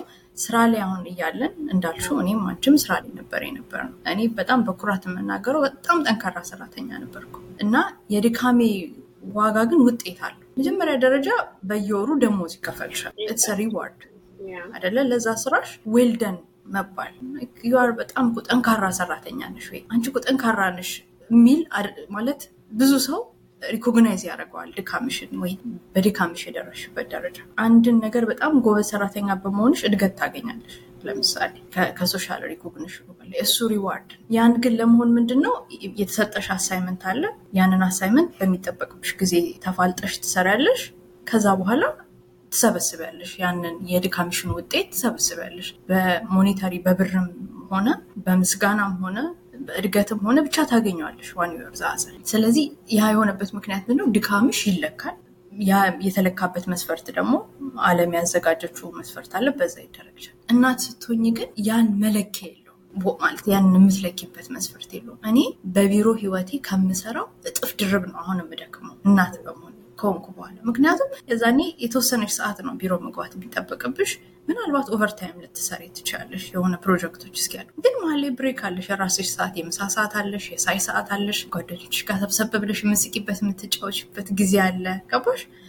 የፈለገ ስራሽ ከባድ ቢሆን ያንን ነገር የሚያቀልሉሽ ብዙ ነገሮች አሉ። እናት ስትሆኝ ግን በቃ you are alone እነት እና ከጠዋት እስከ ማታ ማያልቅ ስራ ነው የእናትነት ስራ። ልክ የሆነ ነገር አረግ ውስጥ ከዛ ግን እኔ ብዙ ጊዜ እንደዛ like ከጠዋት እስከ ማታ ስደክም ቆይቼ ማታ ላይ ራሴን ስወቅስ አገኘዋለሁ። ምንም ሳልሰራ እኮ ዋልኩ ዛሬ። አንድ ነገር እኮ አላሳካው ምላለሁ ማለት እንደሱ ስል ራሴን አግኝቼ አውቃለሁ። እና ማለት ቆም ብለሽ ማሰብ አለብሽ። ታዲያ ምን ሳረግ ነበር? ሰው ሙሉ ቀን የምትሰሪው ስራ ያሁላ ድካምሽን ራስሽ ላይ ለራስሽም ይሄ ነው ውጤቱ የምትው የምታሳይበት ነገር ማጣቱ ራስሽም ላይ critical እንድትሆኝ ያደርግሻል። እና እሱም ሁሌ ቆመ ብሎ ማሰብ ያስፈልጋል። በእናት የመጀመሪያ ላይ የተሳሳት የነበረው ስህተት እሱ ነው። እንዳልኩሽ ልጄ በመጀመሪያ ቀኖች ካልታቀፈች አትተኛም። ሀያ አራት ሰዓት ውስጥ በቃ have to be with ትልቅ ነገር ነው እያደረግ ያለበት ምክንያቱም የመጀመሪያዎቹ moment ኦቿ በጣም moment ግን ምን ስል ነው ራሴን የማገኘው? በቃ እንዲሁ ቁጭ ብዬ ልጅ አቅፌ ዋል ብዬ ራሴን ስወቅስ አገኘዋለሁ። ስለዚህ መለኪያ አለም ያዘጋጀችለት ወይ ደግሞ የሚጨበጨብለት ወይ ደግሞ እንትን ደሞዝ የማይቆረጥለት ቢሆንም በጣም ከባድ ኃላፊነት። ስለዚህ ለራሳችን ደግሞ ለራሳችን sense ከሌላው አለም ጀመሪያ ራሳችንን አደለ የራሳችን worst critics of ourselves አደለ ብዙዎቻችን የምንጋራው ነገር ሶስተኛ ሰው ወይ ሁለተኛ ሰው ከሚገመገመን በላይ ራሳችን ላይ በጣም harsh እና እሱ ጥንካሬ ነው የሚመስለን። ራሴን በጣም ስለደቆሱ ነገ ከዚህ በላይ መልካም ሰው ከዚህ በላይ ጠንካራ ሰው ሆናለሁ ብዬ ነው የማስበው። ግን ስተት ነው አደለ ለራሴ ለየሰራዋት ለእያንዳንዷ ነገር recognition መስጠት። well done ልጄ እኮ ልጄን እኮ እዚህ አደረስኳት ከእግዚአብሔር እርዳታ። እንዳልኩት ከባለቤቴ ጋር ቢሆንም still ግን ኃላፊነት የመጀመሪያው ቅድሚያ ወስደሽ ብዙ ነገር የምታደርገው አንቺ ነሽ እና ከዛ ይጀምር ለራሳችን። ከዛ ደግሞ እንዳልሹ እሱ challenge እሱ ነው። እሱን recognize እና every day conscious ነው ልክ እንዲህ critical ለሆን ስል ለራሴ no no ማለት have to stop harsh መሆን የለብኝም ለራሴ። I have done እንደውም ከሚገባኝ በላይ የሚለውን recognize ማድረግ የመጀመሪያው life lesson ነው በእናትነት የተማሩ ሁለተኛ ነገር እንዳልሹ ብዙ ሰው ከፍቅር መጥቶ ነው እሱን የሚልሽ። እኔም አሁን በቢሮ ኢትዮጵያ እያለው በቢሮ ስራ ውስጥ ነበር የነበርኩት። እንዳልኩ ጥሩ ቦታ ላይ ነበር የነበርኩት እና ሰው የሳለሻል ከዛ በተጨማሪ በትምህርቴ almost ወደዚህ ከመምጣቴ በፊት ሁለተኛ ማስተርሴን እየሰራው ነበር የነበሩ እነሱ ሁላ ነገሮች ሰው ያይና የምታደርጊውን የአንቺን የድካምሽን ውጤት እየሄድሽበት ያለውን የሆነ ቦታ ላይ ስሎ ያስቀምጥሻላች ከዛ ልክ ከዛ ነቅነቅ ስትይበት የአንቺ ምርጫ እኮ አይደለም። እንዴ ምናምን ይልሻል። እኔ ሆን ለዚህ ለዚህ አስራ ሁለተኛ ክፍል ተምረሽ ወልድሽ አትቀመጭም ነበር እንዴ ያለኝ ሰው አለ። ይህ ሁላ ትምህርት ምን ዋጋ አለው? ውይ ለስንት ስንጠብቅሽ በቃ የሆነ መጨረሻሽ ምናምን ትባያለሽ። አሁን ቀላል ይመስላል ወይ እየተሳቀ ሊሆን ይችላል ያ ሰው ስቆ ሊሆን ይችላል የሚናገረው ወይ maybe it's meant as joke ልትባይ ትችላለሽ፣ ግን አይደለም። የፈለገ ጠንካራ የፈለገ በራስሽ የምትተማመኝ የፈለገ በውሳኔሽ የጸናሽ ሰው ብትሆኚ አስተያየቱ የሚወረወሩ አስተያየት በበዛ ቁጥር እንዳልሹ እንዴት ተሳስቻለሁ እንዴ ብለሽ ራስሽን question ታደርጊያለሽ። ራስሽን question ማድረግ ስትጀምሪ ከዛ ወይ መልካም እናት አትሆኚም። ምክንያቱም you're bitter በቃ እኔ እኮ ለአንቺ ስል ለአንቺ ስል እኮ ነው እንዲሆንኩት ለአንቺ ስል እኮ ነው ህይወቴን pause ያደረግኩት ብዬ ልጄ ላይ bitter ሆናል። ስለዚህ ወይ ከእናትነት አልሆን ወይ ከሁሉ ያጣ ያደረግሻል የዛ የሰው አስተያየት መብዛት። ስለዚህ ለማንም ሰው ይህንን ለሚሰማ ሰው መመክረው እሱ ቀልድ ቀልድም ተገቢያል። እናት ሲኮን በጣም ሴንሲቲቭ ነን። ልጅሽን በሚመለከት የሚሰጥሽ ምንም አስተያየት የምርሽ ነው የሚያስቆጣሽ እና ቀልድ አይጥምሽም። እኔ በጣም አሁን የፈለገ ተረብ ምናምን የምችል ሰው ነኝ ብዬ አምናለሁ። ግን ልጄን በሚመለከት አሁን የወሰድኩትን ምርጫ በሚመለከት ሰው ሲቀልድ ሁላ ደስ አይለኝም። ልጅ እኔ ወድጄ ነው ወደ ምድር ያመጣኋት፣ ፈጣሪ ለምኜ ነው ያመጣኋት። የኔ ኃላፊነት ነች። ጠይቃኝ ልወለድ ብላ አይደለም የመጣችሁ። ስለዚህ I have to be here ብዬ ነው የወሰንኩት። እኔና ባለቤቴ ተነጋግረን የወሰኑ ሌላው ነገር ይደረስበታል። በቃ ቅድሚያውን የእሷ ነገር ነው የሚመጣው ብለን የወሰኑ ያንን ውሳኔሽን question እንድታረጊ ተደጋግሞ አስተያየት የሚሰጠው ነገር ከባድ ያደርገዋል ማለት ነው። እናትነት ቤት ሙሉ እናት መሆን privilege ነው፣ ስንፍና አይደለም። privilege ነው ስልሽ መታደል ነው በራሱ ያንን መታደል ልጅሽን እኔ አሁን በጣም የምደሰትበት እንዳልኩሽ የስኬቴ ጥግ ነው የበረከቴ ጥግ ነው የምለው በምክንያት የልጄን ከባዱንም ቀላሉንም ቀን ሀያ አራት ሰዓት ነቅታ እስክትተኛ አለው እና አይቻልም እና በሱ በጣም እደሰታለሁ። እድለኛ ነኝ። ግን ይህንን በረከትሽን ልክ እርግማን የሆነ ያክል ወይ ደግሞ ትልቅ ውድቀት የሆነ ያክል ሰው በጣም ክፉ የሆነ አስተያየት ሲሰጥ አንዳንዱ ከልቡ ሰነፍ ነሽ የምትሰሪው ስራ አጥተሽ ነው ምናምን ብሎ seriously የሚወቅስሽ ሰው አለ። ልክ እንዳልሽው comment ኦችን እኔም አንብቤያለሁ፣ አውርተንበትም እናውቃለን። ከዛ ደግሞ ባሻገር እንዳልኩሽ ደግሞ እንደ ቀልድም ቢሆን ማንም ሰው እንደሱ ሲልሽ ይከፋል። ስለዚህ ሁል ጊዜ ኃላፊነቱ ከግምት ውስጥ አስገብተን ቀልድም ባይቀለድበት እዚህ ድረስ ላይ ደስ ይለኛል።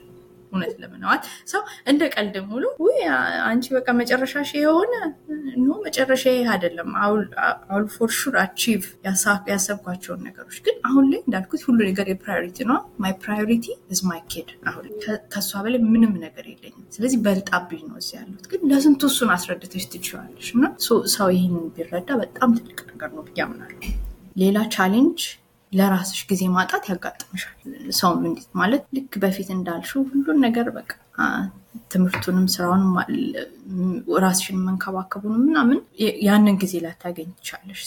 እሱም አንደኛው challenge ነው። ቤት ውስጥ መሆን እንዳልኩት ቀላል አይደለም፣ የስንፍና ስራ አይደለም። እንደውም ስለመናገር አንዳንዴ ይከብድብኛል ሁላ እኔ አንድ ቢሮ ብሆን አይሻለኝም እንዴ ማለት ከቅለት አንጻር ብዬ እላለሁ። የቢሮን ስራ ደግሞ ቢሮ ገብቶ የመጣን ሰው እያቀል አንዳንድ ሰው ግዴታ ስለሆነበት ነው ልጁ ጋር ጊዜ ማሳለፍ እየፈለገ ግን ህይወትን ማሸነፍ ኑሮ መምራት ግዴታ ስለሆነበት ብቻ ወጥቶ የሚገባ ብዙ እናት እንዳላቃል ይህንን እድል የሚመኝ ብችል የሚል ማለት ነው። ስለዚህ እንደሱ ግን አንዳንድ ሰው ምንም ሳይረዳው ወይ ሳያውቀው ስንፍና ነው ለሚል no ስንፍና አይደለም። እንደውም በጣም አድካሚ ስራ ነው የማይከፈልበት recognize የማትደረጊበት በቃ ውጤቱን አንቺና አንቺና በቃ የትዳር አጋርሽ እዛ ደግሞ በጣም የቅርብሽ ሰው ብቻ የሚያየው ዛሬ ሳይሆን ምናልባት ከአመታት በኋላ ሊሆን ይችላል የሚከፈልሽ። ነገ ብቁ ዜጋ፣ መልካም ዜጋ፣ ሀገርን የሚቀየር ለሰው መልካም የሚያደርግ ዜጋ ማፍራት መቅረጽ ችለሽ ለሀገር የሚጠቅም ሰው ስታበቂ ምናልባት የዛኔ ሊሆን ይችላል እኮ reward ሽ አለም ሊያጨበጭብልሽ የሚችለው ግን every day is a success። እናትነት በጣም ስንፍና ምንድን ነው? ቤት ውስጥ የሙሉ ሰዓት እናት መሆን እንደውም ይበልጥ መስዋዕትነት የሚጠይቅ ነገር ነው። የራስሽን ህይወት አቁመሽ ለልጆችሽ መስዋዕት መሆን ማለት ነው። ስለዚህ እሱን ሁላ ከ consideration ቢወሰድ መልካም ነው። የመጀመሪያው ነገር የኔ ቶፒክ ስለሆነ የምለው በቃ የሰዎች ምርጫ መከበር አለበት ነው። የሁላችንም ህይወት አንድ አይደለም። እንዳልሽው እየፈለጉ ሳይችሉ ስራ ላይ የሚያሳልፉ እናቶች አሉ። በጣም ያሳዝናል። ሰው ምርጫ ማጣቱ በጣም ነው የሚያሳዝነው። ግን እንደሌላው ደግሞ የተለመደው አይነት ደግሞ ሁለቱም ቤተሰብ እየሰራ ቢችሉም ማለት ነው። ግን እናት በቃ ፍላጎትም ኖሯት ውጭ ልትውል ትችላለች። የዛ ሰው ምርጫ ነው። እኔ አከብራለሁ የሰዎችን ምርጫ ማለት ነው። የምጠይቀው demand ማድረገው የኔ ምርጫ እንዲከበር ነው ማለት ማንም ብሎኝ አይደለም ያረኩት፣ ሆን ብዬ ነው ያረኩት። ከዛ just accept it ይህ comment ማድረግ አያስፈልግም። ምንም ማድረግ recognition ኡ ጥሩ ነበረ እንዳልሽው ለሁሉም እናቶች ለእኛ ብቻ ሳይሆን ለማንኛውም እናት ምክንያቱም እነወይ እኮ ለአገርም ብትዩ እንደ ሰው እንደ community እንደ society ደግሞ ምንድን ነው የምናደርገው? ማንኛውም ወላጅ ልጅ ወልዶ ሲያሳድግ ነገ asset ነው የሚሆነው ነው። እኛ እኮ አሁን የሆነ ቦታ ስንሰራ work force እና እናትና አባቶቻችን እኮ ደክመውብናል አይደለም። ወላጅነት የትም ቦታ ክብር ሊገባው ይገባዋል። እንደገና ደግሞ በስራም ላይ አሁን እዚህ ሀገር እንደውም ጥሩ እረፍት የለም። አሁን ከብዙ ነገር አንጻር እኮ ይሄን የወሰን አይደል maternity leave ጥሩ አይደለም ምናምን የገባቸው ሀገሮች ደግሞ ደግሞ ስለ social wellbeing በጣም care የሚያደርጉ ጥሩ maternity ይሰጣሉ። ከወሊድ በኋላ ያለ እረፍት ከዚ ልጆች በስነስርዓት take care እንዲደረጉ እና እሱ ራሱን የቻለ ሰፊ discussion ነው። ግን ምን ልል ነው ያስፈልገናል እንደ society ሁልጊዜ ቀላል ነገር ስላልሆነ ልጆችን ማሳደግ አእምሯቸውን፣ ልባቸውን መቅረጽ በጣም vulnerable በሆኑበት ጊዜ በጣም የሰው እርዳታ በጣም የሚያስፈልጋል ጊዜ ወላጅ ተገኝቶ ያንን ማድረጉን በገንዘብ እንኳን እንዳልሽው መጀመሪያ ልክ ስራ ላይ እንደምናገኘው አይነት reward እንኳን ባይኖር social recognition ለሁሉም ሰው ቢኖር ጥሩ ነው።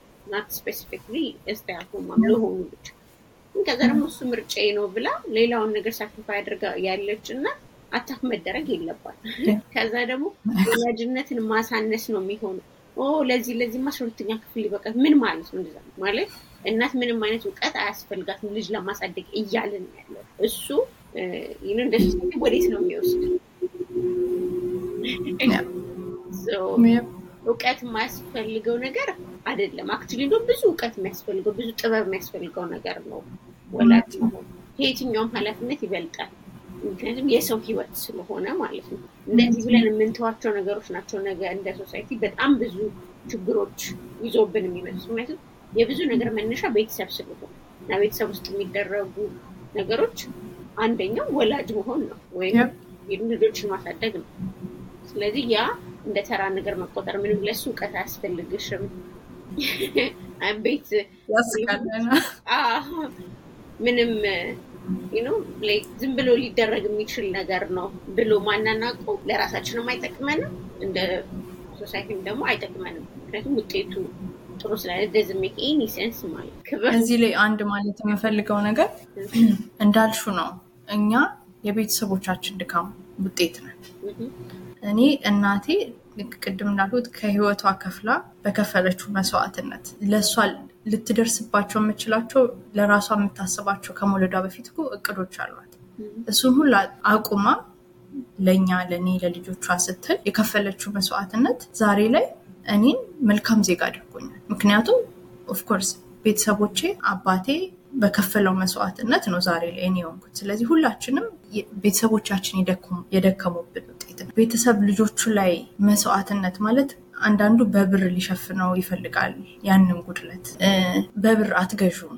እናትና አባትነትን ኃላፊነት ወስደን በደንብ ልጆቻችን ላይ ትኩረት አድርገን ነው ማሳደግ ያለብን። መልካም ሆኖ ነገር የተሻለ ሀገር ተረካቢ ዜጋ የሚፈጠረው ዛሬ ላይ በሚደረገው መስዋዕትነት ነው እና እሱን recognize ማድረግ በጣም በጣም የሚያስፈልግ ነገር ነው። ሌላ ምን አምናለው እንዳልኩሽ በተለይ እናት ከሆንኩ በኋላ የተረዳሁት ሴቶች ላይ አለም አለም በአለም አቀፍም ደረጃ በተለይም ደግሞ እኛ ሀገር ላይ የኤክስፔክቴሽኑ ብዙ ነው።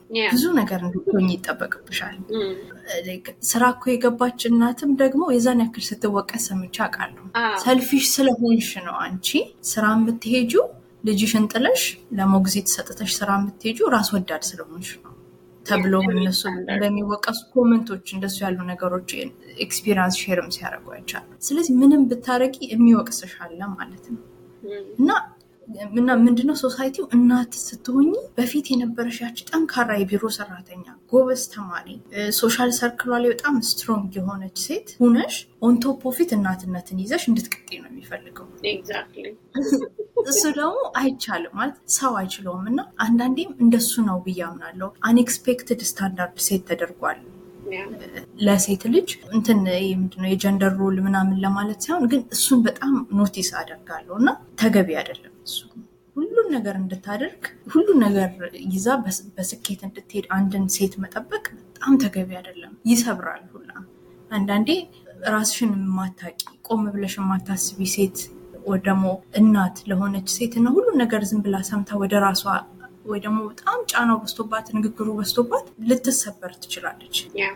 ምክንያቱም achieve የማይደረግ ነገር achieve አረጋለሁ ስንል ነው ማንነታችንን የምናጣው እና ከዛ ከዛ ነገር አንጻር ትልቅ በቃ ማለት እንደ society እንደ community በጣም ልንጠነቀቅበት የሚገባ ርዕሰ ጉዳይ ነው ብዬ ቀልድ አይደለም እና ስንፍና አይደለም። በጣም ብዙ መስዋዕትነት፣ በጣም ብዙ ድካም ያለው ኃላፊነት ያ double standard ኡ ልክ ነሽ። እንትን ገብተው የሙሉ ሰዓት ሰራተኛ የሆኑ እናቶች ደግሞ በጣም ብዙ guilty feeling እንዲኖራቸው በጣም ብዙ attack አለ። ምንድን ነው ምርጫን ማክበር ማለት ነው ያልኩት የመጀመሪያ እሱ ነው። ማለት ሰዎች የተለያየ ህይወት መንገድ ውስጥ ነው ያሉት፣ የተለያዩ ፍላጎት አላቸው።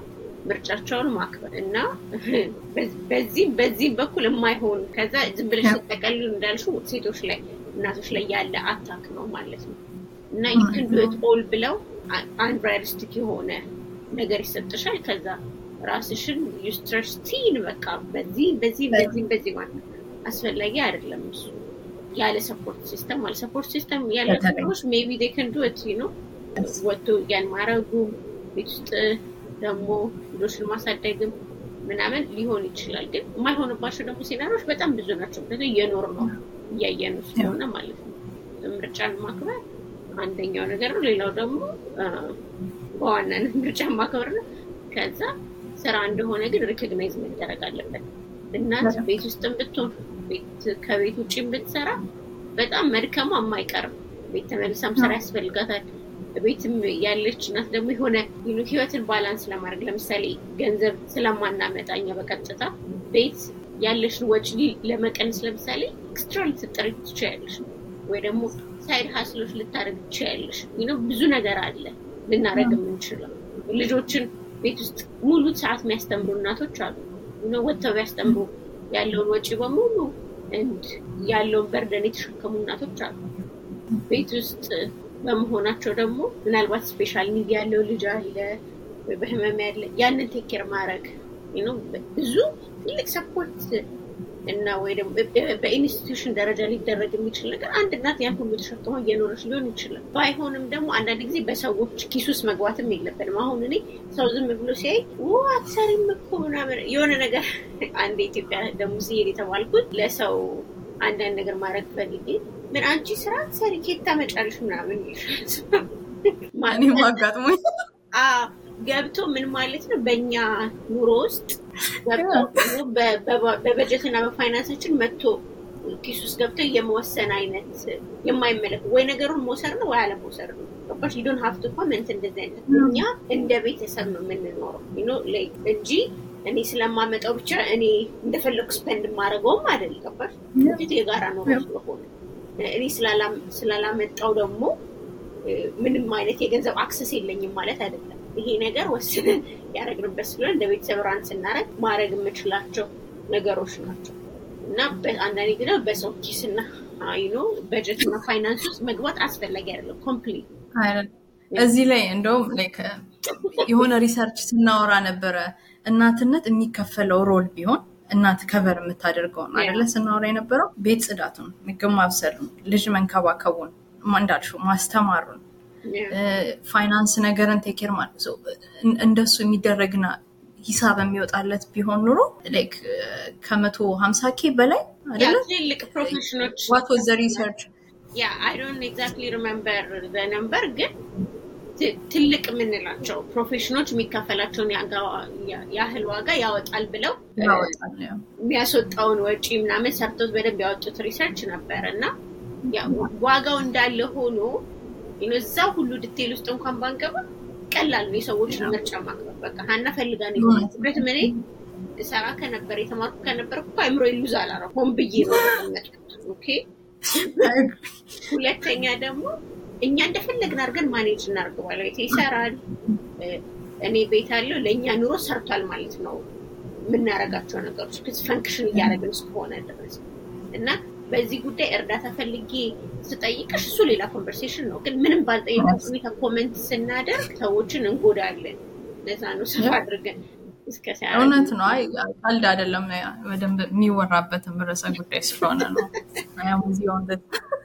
You የልቤ ልቤን የተናገርችልኝ። መጀመሪያ ላይ ስገባ እንዳልኩት እኔም አንቺም ዳላስ ነው የምንኖረው። ትንሽ ቀደም ብትል ተቀራራቢ ጊዜ ላይ የመጣ ነው እና ኑሮ በአሜሪካ በቴክሳስ እንዴት አገኘሽ? በጣም ሙቀት exactly። አሁንማ ሰመሩን በቃ ወደዚህም ከመምጣቴ በፊት እንትን ቨርጂኒያ DC DMV አካባቢ ነበር የምኖረው የነበረው ለተወሰነ ጊዜ I think ለአመት ያክል እና ኑሮ የአሜሪካን ህይወት ያው ሁሉ ነገር ስትኖሪ ቆንጆ ነው። ኖረሽ experience ማድረግን የመሰለ ነገር የለም እና የመባከን ነገሩ ይበዛል። ሰው አንዴ ቃል ውጭ ሀገር ምናምን ይላል፣ ግን የመባከን ነገሩ ይበዛል። ብዙ ሰው የሚጋራው ነገር ነው። በጣም የድካም የሩጫ ጊዜ ነው አይደለም። እኛውን ደግሞ ዳላስ ያለንበት ደግሞ ሰፊ ነው፣ በጣም ትልቅ ነው እና ተራርቀሽ ነው የምትኖሪው። በጣም ቅርብ ርቀት ሀያ ደቂቃ ሰላሳ ደቂቃ መንዳት ሊኖርብሽ ላይ ይችላል እና ግን በቃ ህይወት እንዳልኩት ሩጫ ነው የሚበዛው የኛ በአሜሪካ ህይወት። ከዛ ደግሞ እንዳልኩት ዳላስ ደግሞ ትንሽ መራራቅ ነገር አለ። ግን እውነት ለመናገር ይናፍቃል፣ አይካድም። በጣም ማለት ቤትሽን፣ ቤተሰብሽን፣ ጓደኛሽን ይኖ ያንን ደንብ strong አድርገሽ ያሳደግሽውን ህይወት በጣም ትናፍቂያለሽ። እናትነት ደግሞ ሲጨመርበት ያው village ነው ይባላል አደለ? ዩካንት ልጅን ለማሳደግ village ነው የሚወስደው። ብዙ ሰው ተባብሮ ነው ልጅሽን ሊያሳድግ። እኛ ያደግነው እንደዛ ነው፣ በጎረቤት በዘመድ አዝማድ፣ አክስት፣ አጎት ተብሎ ተከበሽ ነው ያደግሽው እና ያንን ይወስድብሻል እና እሱ ትንሽ ብቸኛ ብቸኛ እንድትሆኝ ያደርግሻል። በትንሽ ሳይሆን አንዳንዴ የሆኑ ቀናት ደግሞ በጣም ይሰማሻል ብቸኝነቱ። እሱ አይካድም። ግን ምናምን አለው ከኳሊቲ ቁጥሩ ከመብዛት ይልቅ ትንሽም ቢሆን ከኳንቲቲ ይልቅ ኳሊቲው ወሳኝ ነው ብዬ አምናለሁ።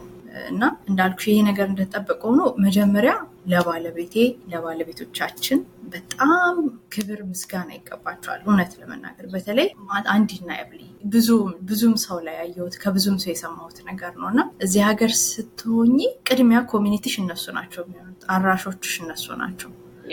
ገንፎ ገንፍተው ምን ብለው ደክመው አራሾችሽ እነሱ ናቸው። ጓደኛም ሁሉም ነገር እና በዚህ አጋጣሚ ባለቤቴን ማመስገን እንፈልጋለሁ። ዳንዬ ነው he's my best friend my team ብሏል እና እሱ መኖሩ በጣም የባለቤቴ support አንዳንዴ ከቤትም ነው የሚሰራው እንደ ነው ከቤት መስራት ይችላል እና ነገሮችን ያቀልልኛል። ልጅ በማሳደግ የሆነ ያክሉን አንዳንዴ እኔ ይወስዳለሁ አንዳንዴ እየተከፋፈልን ነው ማለት ያው ቅድሚያውን እኔ ኃላፊነቱን የእናትነቱን በወስድም ግን በልጁ ህይወት ላይ በደንብ involved ነው each day እና ስለዚህ እሱ በጣም ያቀልልሻል ነገርን ህይወትን ያቀልልሻል። የትዳር አጋር መኖሩ ከዛ ባሻገር ደግሞ በቃ ብዙ ነገርሽን ብዙ ጉድለትሽን የሚሸፍን ነው። ስለዚህ ከሱ ይጀምራል። ከዛ ቀጥሎ እንዳልኩት ትንሽም ቢሆን አሁን አንቺ አለሽኝ በጣም የምወዳት የምንወዳት ጓደኛችን አለች እኔ ጋ እንኳ የፈጠርናቸው ደግሞ ቀስ በቀስ ደግሞ ያሰፋ ነው ደግሞ community አለና ትንሽ ሊሆን ይችላል ተራርቀን ሊሆን ይችላል። ግን ልክ ስትሰባሰቢ ደግሞ አይሰማሽም። ሰው አለልኝ በችግርሽ ጊዜ ይደርስልሻል። ምንም ነገር ሲሆን ቀድሜ አንቺ ጋር ነው የምደውለው። ስለዚህ ብቻዬን አይደለሁም ደግሞ ይሰማሻል። እና ቁጥሩ ስለበዛ አስር አስራ አምስት ጓደኛ ስለተሰበሰቡ አይደለም። ጥርት አድርገሽ ያለሽ ማለት ከትንሽም ሰው ጋር ቢሆን ያለሽን ቁርኝነት ማስፋት ልጆቻችን ባገኘነው አጋጣሚ ሲጫወቱ አብረው ሲያድጉ እንደሱ ማድረግ መቻል በራሱ ትልቅ ነገር ነው እና እንዳልኩሽ በማይካድ ሁኔታ ብቸኝነት አለው። ሀገርሽን፣ ቤተሰብሽን፣ ቤትሽን ትናፍቂያለሽ ግን ደግሞ እንደዚህ ባለ መልኩ ያንን ቀዳዳሽን ደግሞ ትሞያዋለሽ። ስለዚህ I'm thankful for you I'm thankful for my friends የኔ ለምላቸው። My other best friend እንዳልኩሽ ቨርጂኒያ ነው የሚኖረው፣ ግን ተቀራራቢ ሰዓት ነው ብዙዎቻችን የወለድ ነው እና እሱም ባለቤቱም እና ማለት በቃ ሲቸግርሽ ትደዋወያለሽ። ሩቅ ብትሆኝም ሩቅ የሆንሽ አይመስልሽም፣ ፈቃደኝነቱና መነሳሳቱ ካለ ማለት ነው። ይሄ ነው አንደኛው። ሌላ አሜሪካ ልጅ ማሳደግ ገና አልደረስኩበትም፣ ግን ቀድሜ ብዙ ነገሮችን እያየሁ ነው። ስለዚህ የባህል ልዩነታችን በጣም ተጽዕኖ ያመጣል በብዙ ልጆች ላይ ስለሚያስጨንቀኝ የእውነቴን በደንብ የማነብበት ብዙ ነገሮች social media የምከታተልበት ርዕስ ነው እና የብዙ ልጆችን ህይወት identity ማጣት፣ ማንነት ማጣት መፈጠር የብዙ ልጆችን ህይወት አደጋ፣ የወላጆችንም ህይወት ከባድ ሲያደርገው ይታያል። እዚህ ሀገር ልጄ የኔ ነው ብለሽ በኩራት እንዳትናገሪ እስኪሆን ድረስ መንግስት ጠልቃ ያስገባል እጁን በልጆች አስተዳደግ ላይ አንቺ ባሰብሽው አንቺ በቤትሽ በህግሽ በባህልሽ እንዳታሳድግ የሚመስል እና ከዛ መንግስት ካስቀመጠው ስታንዳርድ አፈነግጣለሁ ስትይ ልጅሽን እንወስድብሻለን የሚል ማስፈራራት ላይ ሁላ ይደርሳል እና እሱን ነገር አልወደውም። እውነት ለመናገር ገና ከልጅነታቸው ይጀምራል።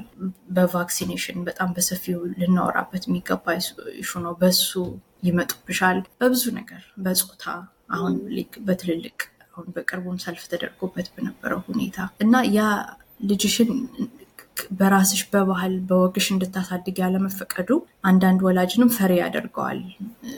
የሆነ ቅጣምባሩ ይጠፋል እና እሱ ከባድ ያደርገዋል። እንግዲህ ማለት ወደፊት ገና ብዙ መማርበት ነገር ነው፣ ግን ለእሱ መድኃኒት ነው ብዬ የማምነው። በተቻለሽ መጠን ከቋንቋ ጀምሮ ገና ከልጅነታቸው ቋንቋቸውን በደንብ እንዲወዱ ከማድረግ ባህላቸውን በደንብ እንዲወዱ ከማድረግ እና ልክ ጥቁር ነኝ ሳይሆን no እኔ identity ያለኝ የሚለውን እዚህ ሰው ወይ ደግሞ ብዙ ሰው mass ኡ ባለበት ራሳቸውን ለጥፈው identity ማጣት ሳይሆን የኔ ማንነት ይሄ ነው እንዲሉ በደንብ አድርገን ማስረዳት ከልጅነታቸው መስራት አለብን። አሁን የሙሉ ሰዓት እናት መሆን ለዚህም አንድ ይጠቅማል። አንድ ትልቅ ዋጋው ይሄ ነው ብዬ አምናለሁ።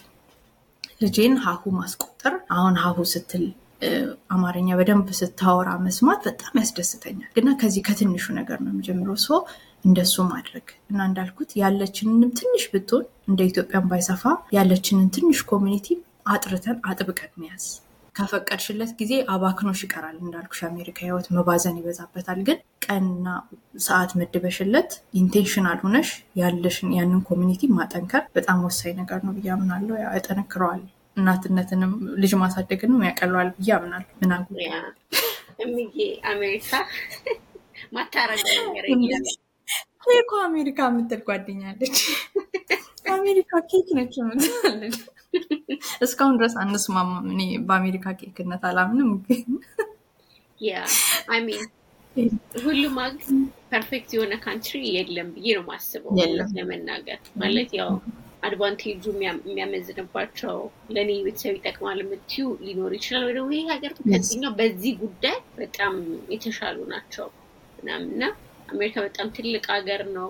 እኛም የተወሰነ ጊዜ ነው የኖርነው ረጅም የማይባል ያየናቸውም የተወሰኑ ቦታዎች ሊሆን ይችላል። ግን በጣም ሰፊ አገር ሳይሆን continent ነገር ነው አይደል? continent ነች።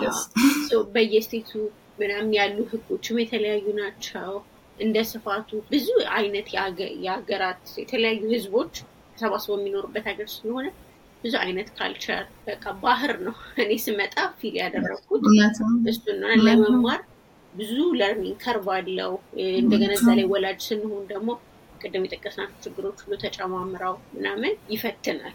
ማለት ዝም ብለሽ ብዙ ነገሮች ላይ አሁን እዚህ ልጆች ምን ይበላሉ የትምህርት ቤት ትምህርት ይሄዳሉ፣ የትኛውን ቋንቋ ይናገሩ፣ የትኛውን እንትን ያደርጉ ምናምን ስትይ you have to do a lot of research እን ላይ ብዙ ነገር ማድረግ አለች። ከዛ ላይ እንደዚህ ነው እኛ እያደግን አይ ደቤር ምንም አድርገሽ በተለይ እንደ በቀላል ለምሳሌ የምንበላውን ያን ያህል ሳናስብበት ተኖሯል አገር ቤት ነው በሰላም ማለት ነው። ማታም ሽሮ ነው ማታም ሽሮ ነው ታለ አይነቱ ምናምን ማለት ሳይሆን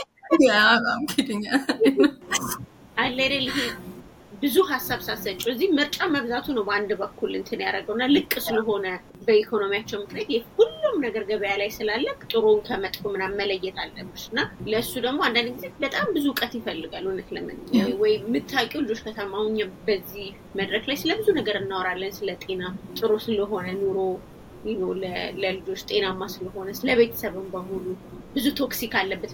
ምክንያቱም ኢንዱስትሪ የበዛበት ሀገር ስለሆነ አገር ቤት ከምንጋለጡ የበለጠ እዚህ ሀገር መርዛማ ለሆኑ ነገሮች ለ toxic ምናምን ተጋላጭ ነው። ያን ሁሉ ልጆችን protect ለማድረግ አሁን I was writing ልጆች እንዴት ጤነኛ አድርጎ ማሳደግ ምናምን የራሴን experience ለመጻፍ ሰሞኑን ሞክሬ ነበር እና የአሜሪካን አገር ልጆች data ሳይ ከየትኛውም ካደጉ ሀገሮች ይህ ሁሉ resource እያለ ከታች ነው ያለው የአሜሪካ ሕዝብ ልጆች ጤናቸው ማለት ነው። እና የባሰ በዚህ ሁሉ እድል ውስጥ ብዙ ደግሞ ችግር ታያለች። ስለዚህ በጣም dark side ም አለው፣ በጣም ደግሞ ጥሩ side ም opportunity የበዛበት ነው እና ግን በዚህ ውስጥ intentional ሆኖ ምርጫዎች ስንወስድ ዝም ብሎ randomly መምረጣችን ይሆናሉ ይላል። እውነት ነው። እንዳልሽው ከስፋቱም አንጻር የሚሰጠውም opportunity የዛን ያክል ማለት negative ኡን ብቻ ለማውራት ሳይሆን of course መርጠን እየኖርንበት ያለ ነው የተሻለ እድል አለው ብለን ስለምናምን ነው። negative ብቻ አይደለም። ብዙ resource አለሽ። ልጅሽን ላስተምር ካልሽ፣ የጤነኛ ህይወት መንገድ ልከተል ካልሽ፣ ከአመጋገብ ጀምሮ የምግብ ምርጫ ጀምሮ ሁሉ ነገር ጊዜሽን ወስደሽ አስበሽበት ካደረግሽው ምንም ነገር ማድረግ ትችላለሽ። ግን የተማርኩት ነገር intentional መሆን ያስፈልጋል። እንዳልኩሽ ራስሽን ከማህበረሰብሽ አንቺን ከሚመስለው ሰው አለማግለል ትልቅ ነገር ምንድነው መረጃም ስለምትጋሪ ማለት ነው። ከዛ ግን ባሻገር የተሰጠው ነገር ሁላ አገሪቷ ልቅ ስለሆነች ሁሉ ነገር በገፍ ስለምሰጥ ሁሉም መልካም ነው ማለት ግን አይደለም። እሱንም ማወቅ ያስፈልጋል። ወይ በሚዲያ ተደጋግሞ ስለተነገረ ያ ነገር ትክክል ነው ማለት ላይሆን ይችላል።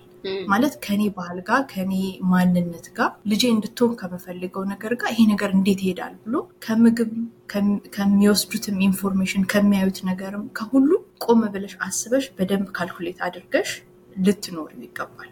በጣም እንደ ትልቀቱ በጣም ብዙ opportunity የሚሰጥ ብዙ የእድገት ነገር የሚሰጥ እንደመሆኑ ያክል የዛን ያክል ያ በጣም መለቀቁ ዝም ብለን ከለቀቅናቸው ልጆቹንም ሊጎዳ ይችላል። ስለዚህ እያንዳንዱን ነገር እንዳልሹ በሪሰርች በጥንቃቄ ነው መራመድ ያለብሽ።